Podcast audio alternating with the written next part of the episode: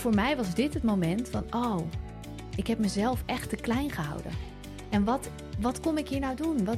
Ik durfde gewoon niet achter mijn eigen ideeën achteraan te gaan. Nou, schat, dit is dus waar we de jij- podcast voor jij- maken. Dat ik dit soort En complimenten van jij jou bent krijg. dan degene die beter is dan ik om één uur s'nachts gaan. Ja, Jorg, niet zeiken, het moet gewoon af. Hey, wat leuk dat je luistert naar Van Struikelen tot Succes met Sunny en Jorg. Luister mee in hoe wij navigeren door de wereld van het ondernemen, het upgraden van je mindset en het lachen om de chaos van het ouderschap. In deze podcast delen we tips en ervaringen om van te groeien en houden we niks achter. Superleuk dat je er weer bij bent. Hallo. Oh, woehoe. Aflevering 3. Aflevering die. En we doen het, we, ja, we doen het echt hartstikke goed. Dat vind ik echt leuk om te zien. We hebben 18.000 plays, views, listens op Spotify en YouTube van de eerste aflevering. Alleen al. Is toch leuk hè? En eh, we, zijn in de, we zijn in de top 10 beland op, de, op plek nummer 9 van de, me- van de top podcast in, in Spotify. Dus nationaal, internationaal, Joe Rogan, alles bij elkaar zijn wij op de negende plek beland. Ja. We begonnen op plek nummer 102. Ja, en nu, en toen op 9. Dus ja, jullie Eh. snappen dat onze ego's echt een hele goede week achter de rug Ja, hebben. mijn- mijn ego is zo groot. Ik kan, ik, jij kan niet meer naast mij staan in de lift. Daar is te Nee, ruimte. gelukkig is er ook geen lift, dat scheelt. maar ik vind het toch wel leuk dat we in een lijst staan. Ik bedoel, ik sta niet heel veel in lijstjes. En ik vind het, ja, ik vind het Nou, toch wel cool. Het is cool.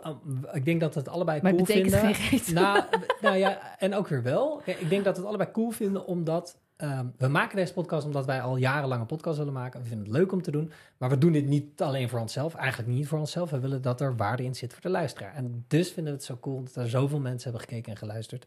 ehm, Zeker, ja. Naar de eerste en tweede aflevering. We hebben ook heel veel leuke Ja. DM's gehad. Heel veel leuke reacties onder de podcast. We hebben 193 eh, mensen die hebben de podcast een cijfer gegeven. We hebben een gemiddelde Ja. van 4,9 van Ja, de vijf sterren. Dus geweldig. dat, dat, dat is super cool. Dat, dus is heel leuk. dus naast even dat ons ego natuurlijk... Nee, maar eh, ehm, het enthousiasmeert.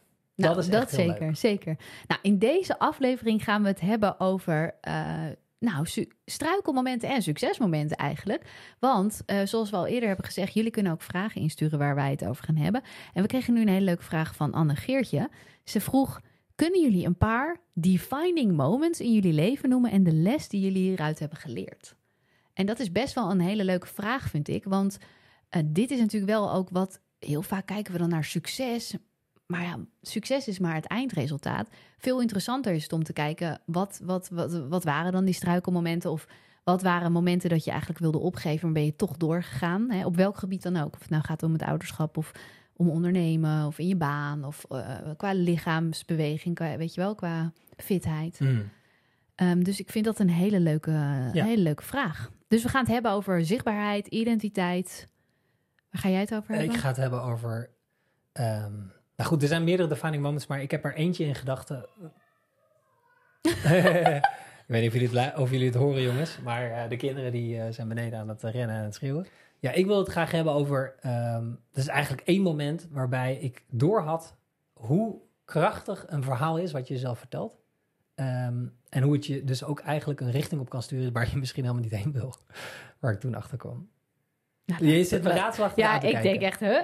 Laten we maar dan gewoon Oké, meteen laten we beginnen. Ja, laten we beginnen. Ehm, dit is eigenlijk een defining moment waar jij me naartoe hebt getrokken. Dat is in 2016 naar Tony Robbins. Eh, jij wilde er heel graag heen. Ik dacht, nou, dat hoeft niet per se. Ik zat nog eh, bij uh, Messersbeurt, eh, werkte ik in loondienst. Bij, in de directie zat ik. En ik was chief marketing officer. En dat had ik al 15 jaar gedaan. Dat was mijn carrière marketing. En ehm, daar kwam ik achter bij Tony Robbins. En dat was vier dagen lang schreeuwen, high five van 7 uur s ochtends tot 11 uur s avonds of nog later. En het was niet over gloeiend hete kolen lopen van 700 graden, wat een defining moment was. Of, nou, zo waren er nog een aantal andere dingen.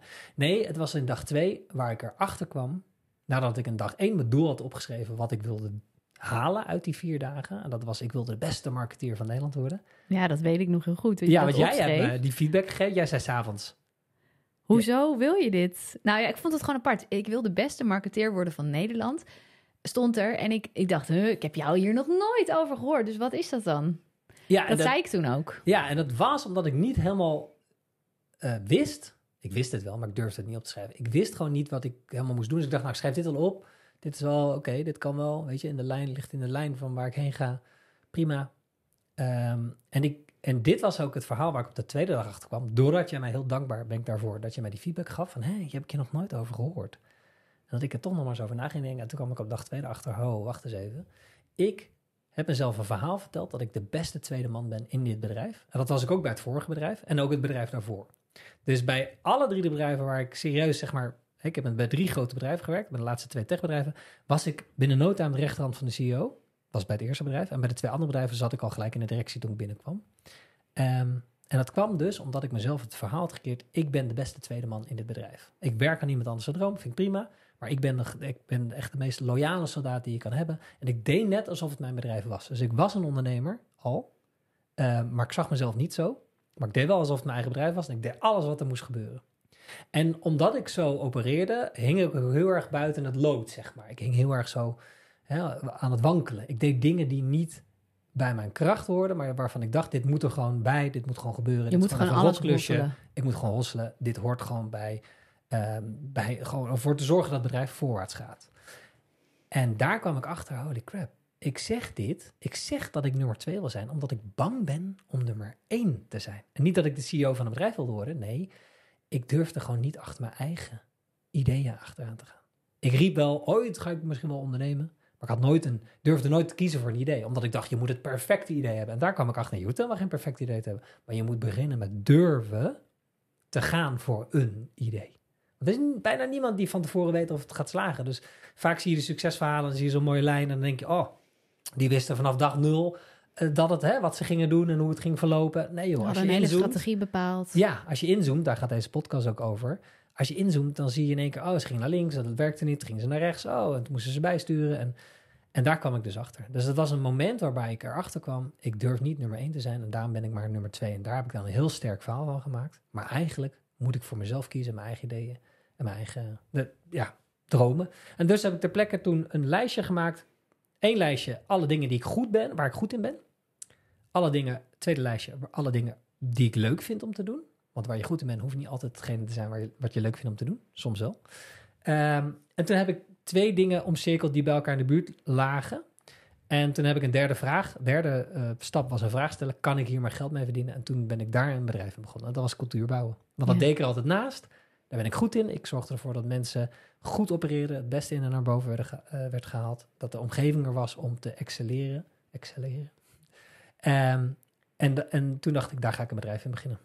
En toen je eenmaal die keuze had gemaakt, heb je toen nog spannend gevonden? Of hoe, is, hoe ging dat toen? Kan je daar nog iets van herinneren? Ja, spannend. Maar ook daar heb ik toen de kracht van het verhaal goed ingezet. Dus ik wist nooit dat ik dat deed. Hè. Ik hield mezelf voor de gek. De nummer twee, ik ben altijd de beste nummer twee. Maar uiteindelijk kwam ik er toen achter hoe krachtig dat verhaal was. Jongens, even stil! Wat zegt ze? Ik wil liggen. Liggen. Oké. Uh, nou, pak uh, maar! dat zeg ik ook nooit. Goed. Herfstvakantie, jongens.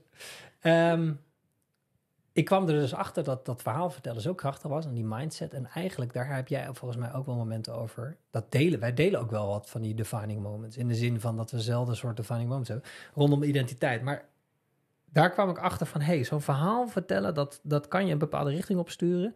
En nu kan ik dat verhaal de andere, gebruiken om de andere kant op te gaan. Dus ik ben ondernemer, ik vind het spannend, maar ik kan dit. Uh, hoe bereid ik me hier goed voor? Hoe uh, uh, haal ik dingen, mensen in mijn netwerk naar me toe die meer weten over cultuurbouw? En zo ben ik het gaan bouwen. Goed, de kracht van een verhaal. Het verhaal wat je jezelf vertelt, dat is zo belangrijk. En de overtuiging die eronder zit. Ja, dat is grappig, want ik denk nu aan een ander verhaal dan wat ik wilde vertellen. En dat is namelijk het verhaal toen ik, hoe oud was ik? Ik was 23 geloof ik. En ik was actrice, presentatrice en ik had, ik, dan sta je ingeschreven bij een aantal castingbureaus. En er was op een gegeven moment was er een bureau en die zei, die had dus uh, mij als acteur, maar ook als, ze deden ook modellenwerk. En toen zeiden ze, wil je misschien als model naar Zuid-Afrika, naar Kaapstad? Toen dacht ik, wauw, natuurlijk, ik ben een reisgek. Het maakt me niet uit dat ik dan, dan ben ik dus model. ik deed wel eens een modellenklus, vooral reclames en zo, maar ik was geen modelmodel. Dit was een fashion model en wat jij deed was een reclamefolder bijvoorbeeld? Of? Nou, nee, ik deed wel bijvoorbeeld bladen, maar uh, fashion, fashion heb ik nooit gedaan, want ik ben daar ook te klein voor. Maar commercieel model ben ik wel. En, en in Kaapstad is er een commerciële markt, dus dan, dan komen wel alle bekende merken komen daar in het seizoen komen daar naartoe. En dan gaan daar al die modellen uit de hele wereld naartoe. En dan eh, kan je, heb je gewoon kans op heel veel werk. Kan je heel veel mooie foto's schieten. Dat wist ik natuurlijk nog niet. Maar ik zei, ja, dat gaan we doen. Dus ehm, ik ben toen uh, voor 2,5 maanden naar Kaapstad vertrokken. En ik had natuurlijk wel een shoot gedaan, maar ik was echt geen model. Dus ik heb toen echt besloten, ik ga acteren. Ik ga de, dat ik model ben. Ik ga de identiteit aannemen van een model. Ik ben een model, zei ik gewoon tegen mezelf. Hoe doet een model? Hoe kleedt een model zich? Dat ging ik, dat, daar was ik gewoon helemaal mee bezig. Ik had ook van mijn boeker had ik de Weekampgids had ik meegekregen.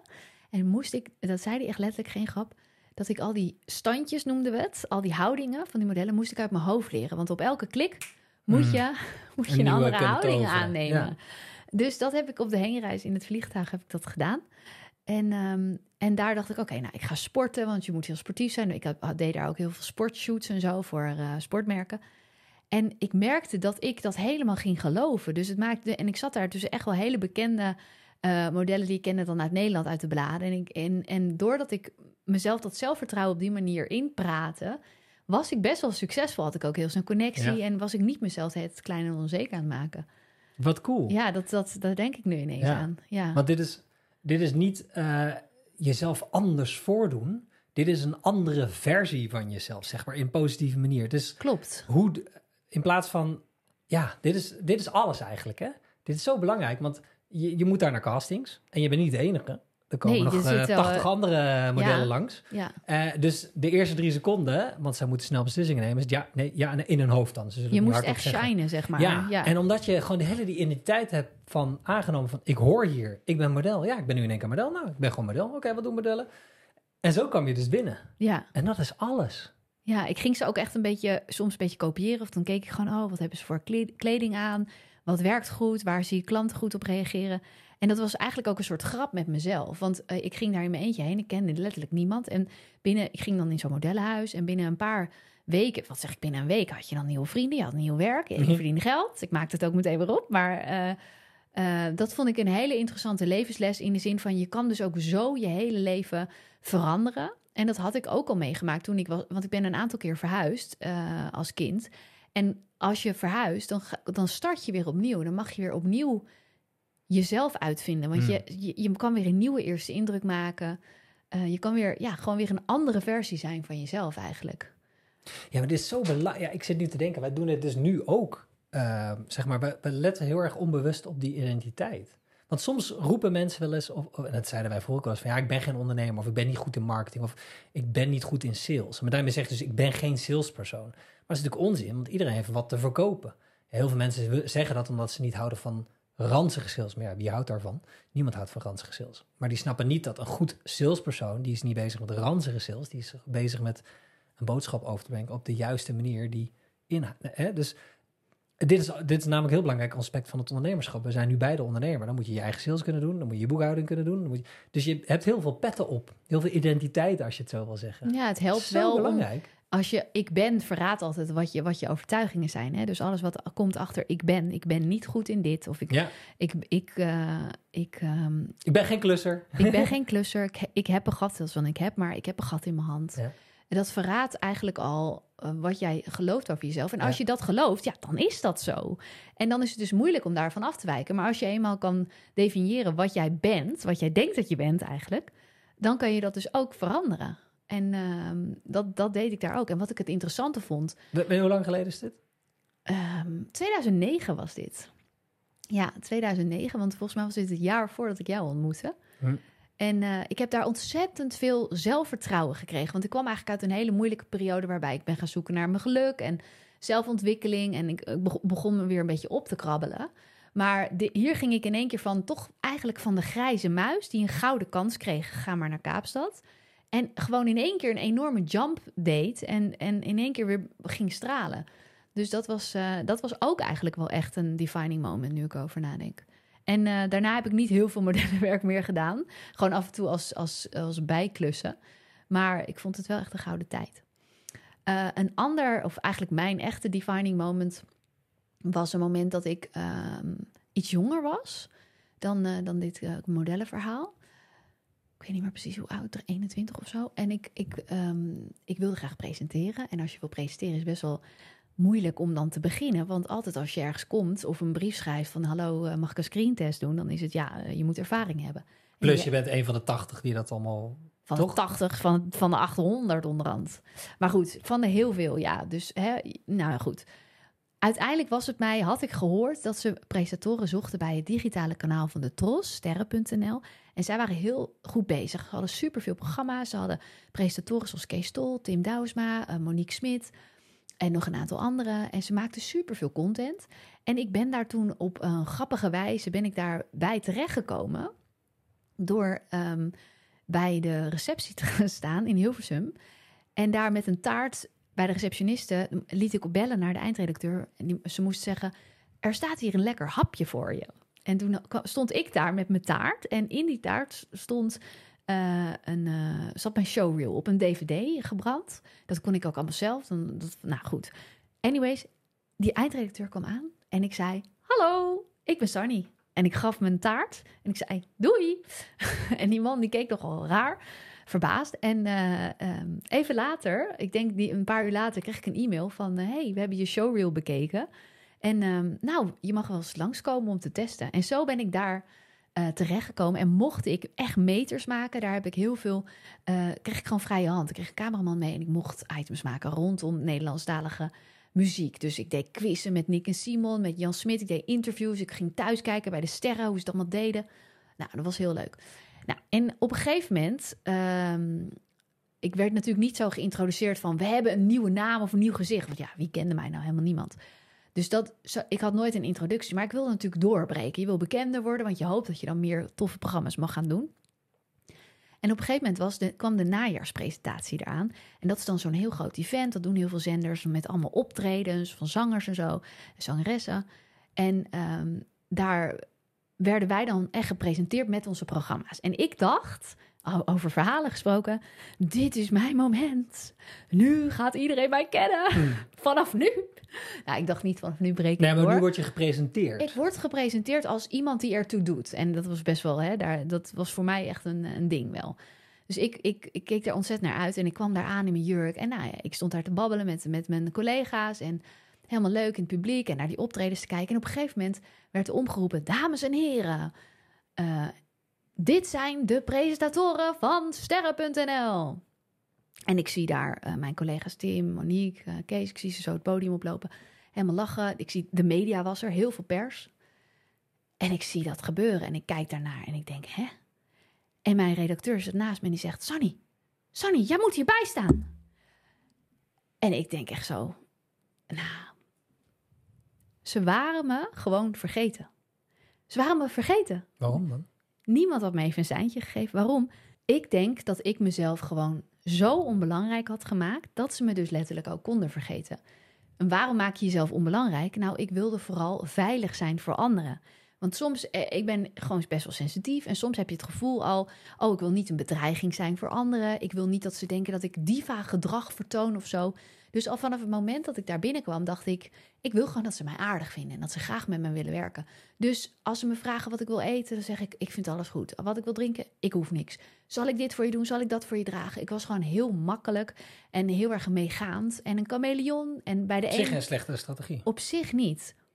Nee. Ehm, maar ik liet daarin mezelf ook niet echt zien. En ehm, voor mij was dit het moment van: Oh, ik heb mezelf echt te klein gehouden. En wat, wat kom ik hier nou doen? Wat, wie ben ik nou? Weet je wel? Ik probeerde mezelf klein te houden, maar als ik heel eerlijk kijk, voelde ik al dat vooral collega's dachten: Oh jee, want ik werd steeds succesvoller en ik deed steeds grotere programma's. Dat ze ook zich bedreigd voelden door mij. Dus wat doe ik dan? Ik ga pleasen. Nog kleiner. Ik ga vragen stellen, complimenten geven. Hallo, wat zie je er geweldig uit? Oh, dat is goed, wat is goed. En mezelf totaal niet over mezelf praten. Weet je, om de ander op hun gemak te stellen. En daarmee maak je jezelf dus ook weer minder belangrijk. Nou goed, wat ik ervan heb geleerd toen... is, nadat ik natuurlijk eerst huilend naar de wc ben gerend... ehm, is dat ik mezelf gewoon niet langer klein moet houden... om anderen comfortabel te houden. Ja. En, de, en nog steeds is dat een, dat is een lastige balans. Want je wil jezelf niet overschreeuwen. En je wil ook ik, ik wil ook gewoon een fijn persoon zijn om mee te werken. En Ja. dat ben ik ook. Maar de jaren daarna heb, ben ik wel voor mezelf opgekomen. En als ik iets moest doen voor een script of iets moest presenteren waar ik niet achter stond, zei ik gewoon nee, dat ga ik niet doen. En dat is ook voor jezelf opkomen en voor je waarde, snap je? Ehm, ja, dus dat was wel eh, een, een moment. Ja, maar dat, dat is heel mooi. En je zegt ook, het is een hele fijne balans. Want enerzijds wil je je grenzen bewaken en je wil doen waar je in gelooft. En anderzijds zijn we in Nederland natuurlijk heel erg van, doe maar normaal. En eh bescheidenheid zie je te mens. En inderdaad niet zeuren. Nou, ik heb jij nog nooit horen zeuren. En je hebt de werkethiek. Wacht even, stop even, wacht even. Jij hebt mij nog nooit horen zeuren. Lieve mensen, kunnen we dit heel even nog een keer Goed. herhalen? Wat Als zei je precies, gaat lieve in de context van eh, werken. Jouw werkethiek eh, vind ik, ehm, ik... Ik dacht dat ik hard kon werken. En ik heb 80 uur werkweek gedraaid. Heel lang. En ik zat het s'avonds laten werken. Maar wij zitten vaak nog steeds wel eens... Vaak nog steeds wel eens. Ja, get to the point. Wat ga je nou Tot eigenlijk zeggen? s'avonds laten werken. Ik hoor jou nooit zeuren. En ik kan soms nog wel eens om één uur s'nachts denken... Potverdomme, wat... Nou, schat, dit is dus waar we de En jij- podcast voor jij- maken. Dat ik dit soort En complimenten van jij jou bent krijg. dan degene die beter is dan ik om één uur s'nachts gaan. Ja, Jorg, niet zeiken, het moet gewoon af. Klopt. Oh ja, gelijk. Je hebt gelijk. En dan schiet ik even in die slachtofferrol, ga ik bitchen. Maar uiteindelijk denk ik, oh ja, je hebt helemaal gelijk. Ja, het is meer van, je hebt er gewoon helemaal niks aan om te zeuren. Nee, maar ja, op dat moment ben je al- moe. ja. En eh, die- edit gooi je een stukje weg, wat niet weggegooid had moeten worden. Je doet tien minuten langer dan... Nou goed. Ja, het is, dit is ook mindset. Dit is, Dit ja, is maar de- mindset. hier zeg je wel wat. Dit is mindset. Want als je in de zeur-energie komt, dan gaat vervolgens je werk. En het wordt allemaal erger en erger. En dan ga je fouten maken. Dus, Daarom denk ik wel dat we voor elkaar zijn voor- voorbestemd. oh ja. Ja, omdat we heel erg op elkaar feeden in de goede zin. Dus als de een van ons daarin schiet, zegt de ander, hey, dude. En dat zeggen we op verschillende manieren. Dus de ene keer is het gewoon niet zeiken en de andere keer is het gewoon, hey, maar kijk even zo ernaar. Dus wat, met wat meer liefde, omdat we heel goed aanvoelen wat er in de situatie nodig is om de ander weer eruit te halen. Terwijl het ook kan zijn dat je erin meegaat. Klopt, Eh, ja. We zijn dat is ook wel, ik ben echt een spiegel voor jou. Soms loop ik als wij ruzie hebben of zo, dan, eh, dan, dan loop ik gewoon weg. Ik ben ook een spiegel voor jou, toch? Zeker, Ja, zeker. Ik sta voor elkaar, zei Ja. ik. Ja. Ja. Je begint ineens te klappen tegen allemaal dingen. Ja, ja. lekker zenuwachtig. Maar nee, ja, maar dat is echt zo. Mooi. Die end. Die, ja? nee, Nee. ik heb geen idee. Nee, kijk, ik, Had je ik, nog andere ik momenten? heb geen ander defining moment, maar ik heb wel door dat laatste jaar dat we, en dit is al de laatste jaren, dit weten we allebei, al het mooie, alle groei ligt buiten je comfortzone. We zijn allebei wel van het Zeker. pushen. Nou is het woord pushen voor jou anders dan voor mij, want jij wil Ik ook ga er niet lekker op. Nee. Nee, je gaat er niet lekker op, maar we durven in die zin pushen van je, je, je brengt jezelf bewust buiten je comfortzone. Je weet, daar zit de leercurve, daar zit Ja. de groei. En ehm, dit heb ik mentaal vanuit de context carrière en werk altijd gedaan. Altijd nieuwe dingen, altijd maar proberen. Altijd van, nou, ik, eh, ik doe altijd alsof het mijn eerste dag is op werk. Ik doe altijd weer opnieuw eh, beginnen en nooit denken, oh, ik ben er, ik weet het allemaal. En gewoon maar doorgaan eh, op een goede manier. Dus jezelf elke dag weer resetten. Maar ik heb dat lichamelijk pas nu, zeg maar, dit jaar dat ik denk, oké, daar moet ik nog veel verder uit mijn comfortzone gaan. Omdat ik gewoon weet dat, dan ga je jezelf scherper maken, ook lichamelijk. Ja, snap je? Ja, dus Nee. nou, oké. ik snap het Ehm, echt niet. De Mont Blanc beklimmen, wat ik volgend jaar ga doen, is niet omdat ik zo graag bovenop een berg wil staan. Sterker, ik ben niet zo heel erg van hoogtes. En Nee. precies daarom ga ik de Mont Blanc beklimmen. Omdat ik weet dat het kut wordt, om het even plat te zeggen. Ik weet dat ik mezelf ga tegenkomen. Ik weet dat ik uitgedaagd word. Ik weet dat ik heel veel momenten ga krijgen waar ik denk, waar, waarom, why the fuck, sta ik hier, waarom Het doe ik je dit? veel deze keer. Ja, oké. Ehm, eh, hebben we een bliep? Nee. waarom de piep? Doe ik dit? Ja, maar goed, dat zijn maar dat dus- is wel hoe jij opereert. Jij hebt dat dus nodig om jezelf pijn te doen. Dus Nou, ik heb dat. het niet nodig, maar ik weet gewoon dat, ehm, ehm, dat het kleine Jorgje vindt dat hij al best wel ver is gekomen met zijn net aan MAVO en eigenlijk niet eens slim genoeg voor de MAVO en twee linkerhanden. Ehm, en dan is het heel comfortabel om achterover te leunen. Denken van, nou, ik doe het eigenlijk best wel goed. En Is dat er is iets mis mee dan? Nee, er is niks mis mee. Je mag blij zijn waar je bent. Maar, ehm, en daar kan ik ook van genieten. En, het, en ik hoef niet per se te groeien om gelukkiger te zijn. Ik ben nu heel gelukkig. Maar ik weet wel dat ik me elke dag weer bewust... Elke ochtend denk ik, geen zin om een ijsbad te gaan. Ik ga het ijsbad in. Heel veel dagen in de week denk ik, nee, ik heb eigenlijk niet zoveel zin om die workout te doen. Dan ga Maar ik wel, zou je dan zeggen en, dat ga- en toch ga ik het doen. Dat is Ja. dat hele geen zin toch gaan principe. En daarvan weet ik, dat is essentieel om te groeien. Dan kun je veel harder gaan. Maar jij, wat je eigenlijk zegt volgens mij, is dat jij altijd wil blijven groeien. En als je niet het gevoel hebt dat je niet groeit, dan voel je je niet goed. Klopt dat? Nou, eh, niet helemaal. Want heel vaak voel ik me wel goed. Want ik ben best lui van nature. En dan denk ik, ah, dat is best wel chill zo. Het liefst lig ik de hele dag op de bank Netflix te kijken. Of HBO. Of andere. toch op, ja, het liefst zit je de hele dag klusjes te doen en schoon te maken. Of klusjes doen en schoonmaken. Maar ook dat is uitstelgedrag soms. Vaak. Dan denk ik, ah, dan ga ik klusje doen. Terwijl ik eigenlijk iets anders moet doen. En omdat ik dat oncomfortabel vind, omdat ik er geen zin in heb, ga ik een klusje doen. Dat is gewoon bullshit. En daarom ben ik me er heel erg bewust van dat je jezelf continu weer moet dwingen. De dingen waar je geen zin in hebt, daar, daar zit de groei. Ja, ik ben het hier niet echt mee eens. Want ik. je moet jezelf niet dwingen. Ik geloof juist heel erg in flow en dat dingen organisch ontstaan. Dat letterlijk dat je, eh, als je ontspannen bent en als je lekker door het leven gaat, dan krijg je ideeën. Dan ga je vanuit, vanuit jezelf, vanuit interesse en energie, denk je, ja, ik ga achter die laptop zitten, ik ga het uitschrijven, ik ga het uitdenken. En dan, ik, als ik aan jou denk, hoe jij dit nu vertelt, dan voel ik heel erg van, oké, wat kan ik nog doen? Wat, en dan zeg je het misschien stom, maar ehm, hoe kan ik mezelf nog uitdagen? Wat kan ik nog niet? En daar voel ik heel erg een hard werken onder zitten en een, eh, ja, ik ben helemaal mee eens dat je jezelf buiten je comfortzone mag brengen. Want het is heel erg leuk om jezelf dat te gunnen, om die sprong te maken. Zo heb ik laatst voor Manifestatie Magazine ben ik eh, gaan optreden. Ben ik een eh, meditatie gaan geven met een pianist en een zangeres. We gingen dat improviseren. Nou, ik vond het hartstikke... Het was echt iets wat ik nog nooit had gedaan. We hebben het niet heel erg gerepeteerd of zo, dat we wisten wat we gingen doen. Dus het was absoluut buiten mijn comfortzone. En ik dacht echt van tevoren, oeh, wat, hoe gaat dit zijn? En die spanning en die kriebels in je buik voelen, dat, hè, dus dat je buiten je comfortzone gaat, dat is ook heel leuk, want dat geeft je het gevoel dat je leeft. Het geeft je het gevoel van, ah, ik ga iets nieuws doen, wow. Mhm. En als je het dan hebt gedaan, dan voel je weer die overwinning. Je voelt dat Ja. zelfvertrouwen groeien. Je denkt, yes, ik heb dit gewoon gedaan. En ik kan dus op mezelf vertrouwen. Dat ik ook enge dingen gewoon kan. Dat vind ik geweldig van buiten je comfortzone gaan. Dit is eigenlijk, dit is, ik hoor niks nieuws. Zeg maar, Nee, ik hoor maar- niks anders dan wat, maar ik Maar gebruik ik- andere bewoordingen. Kom, maar bij jou voel ik heel erg, ah, en bij mezelf denk ik, oké, nou, ik ga meer ja, met voelt, vanuit hoort een ergens zwoegen bij mij, misschien. Ja, ja. Maar dat, ik moet heel eerlijk zeggen, er zit ik haal ook energie eruit. Dat Mont Blanc vind ik spannend. Ik weet dat het rot gaat zijn, maar dat vind ik stiekem leuk. Het, ik ben niet alleen maar aan het lijden of zo. En ik ben niet alleen maar dat lijden aan het opzoeken. Maar ik weet dat het essentieel onderdeel is om te groeien. En dat is dat Ja. uit de comfortzone gaan. En ik weet dat als ik mezelf niet push erin, dan ga ik achteroverleunen en denk ik, nou, ik, ga, ik doe het allemaal best wel lekker. En dan, dan ga ik dus op, op sportief vlak, als ik het daar even over heb, of lichamelijke groei, dan ga ik letterlijk meer gewicht bankdrukken. En dan is dat uit je comfortzone. Nou, maar dat is niet, benieuwd, dat is niet uit je comfortzone gaan. Uit je comfortzone gaan is iets doen waarvan je denkt, oeh, dit vind ik wel echt spannend. Dit vind ik wel echt oncomfortabel. Ja, En klopt. daar wil ik naartoe.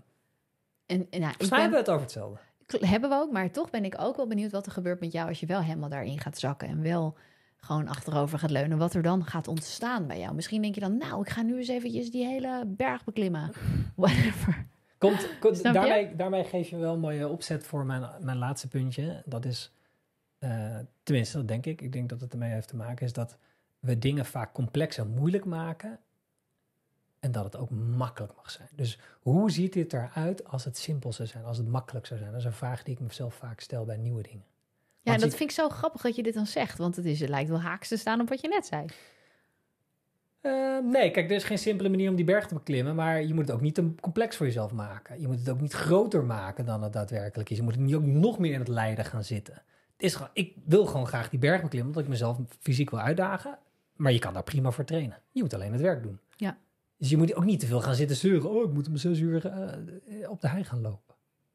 Complexiteit, dat is iets. Ons brein die heeft zoveel energie. We willen altijd zoveel. We maken dingen altijd zoveel groot. Dat merk ik in ieder geval bij mezelf. Ik maak dingen snel complex. Ja, ja ik dat vind hoeft het wel helemaal een niet zo hele, te zijn. het is zo wel een hele goede mogelijk. vraag. Die, Deze die- podcast. Hoe kan dit ook makkelijk? Ja, deze podcast. Nou ja, Hoe ziet het eruit als het simpel zou zijn? Nou ja, zo, zoals in dit Zoals het, kamertje. zoals we het doen. Ja, Het is de niet set zou beter kunnen. ja. Nee, ja, ik wil, je hebt een stukje witte muur. We hebben, hè, ik zit hier nu in het beeld te zwaaien. Ja, dat is allemaal niet je helemaal tikt perfect. wel de hele tijd tegen de de hele camera. tijd jouw camera aan. maar elke, je elke keer dat hij dat irritant. doet... Nee, ik vind het niet meer zo irritant. Want we hebben net afgesproken dat elke keer als Jorg tegen de camera tikt... dat ik dan een massage krijg. Wanneer?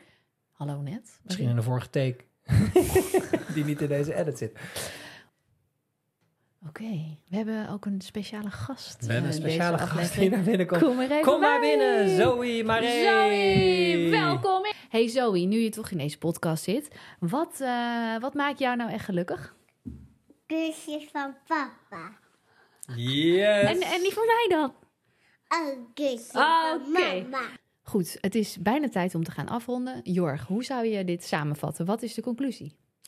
De conclusie is dat je eh, jezelf groter moet maken in plaats van jezelf klein te houden. Dat doen we met z'n allen al heel snel. Jezelf kleiner maken. Dat is zonde. Ehm, identiteit is een belangrijk iets als je iets wil bereiken. Want vanuit je identiteit ga je ander gedrag vertonen. Andere verhalen, dat is eigenlijk naar mij toe. Hè? Dus de andere verhalen die daaruit voortkomen, die je zelf vertelt, die zijn heel krachtig. Dus vertel jezelf de juiste verhalen. Niet vanuit angst, maar vanuit enthousiasme. En tot slot, alle groei ligt buiten je comfortzone. Dankjewel voor het luisteren en we zien je hopelijk volgende week weer. Ciao, ciao! Ciao!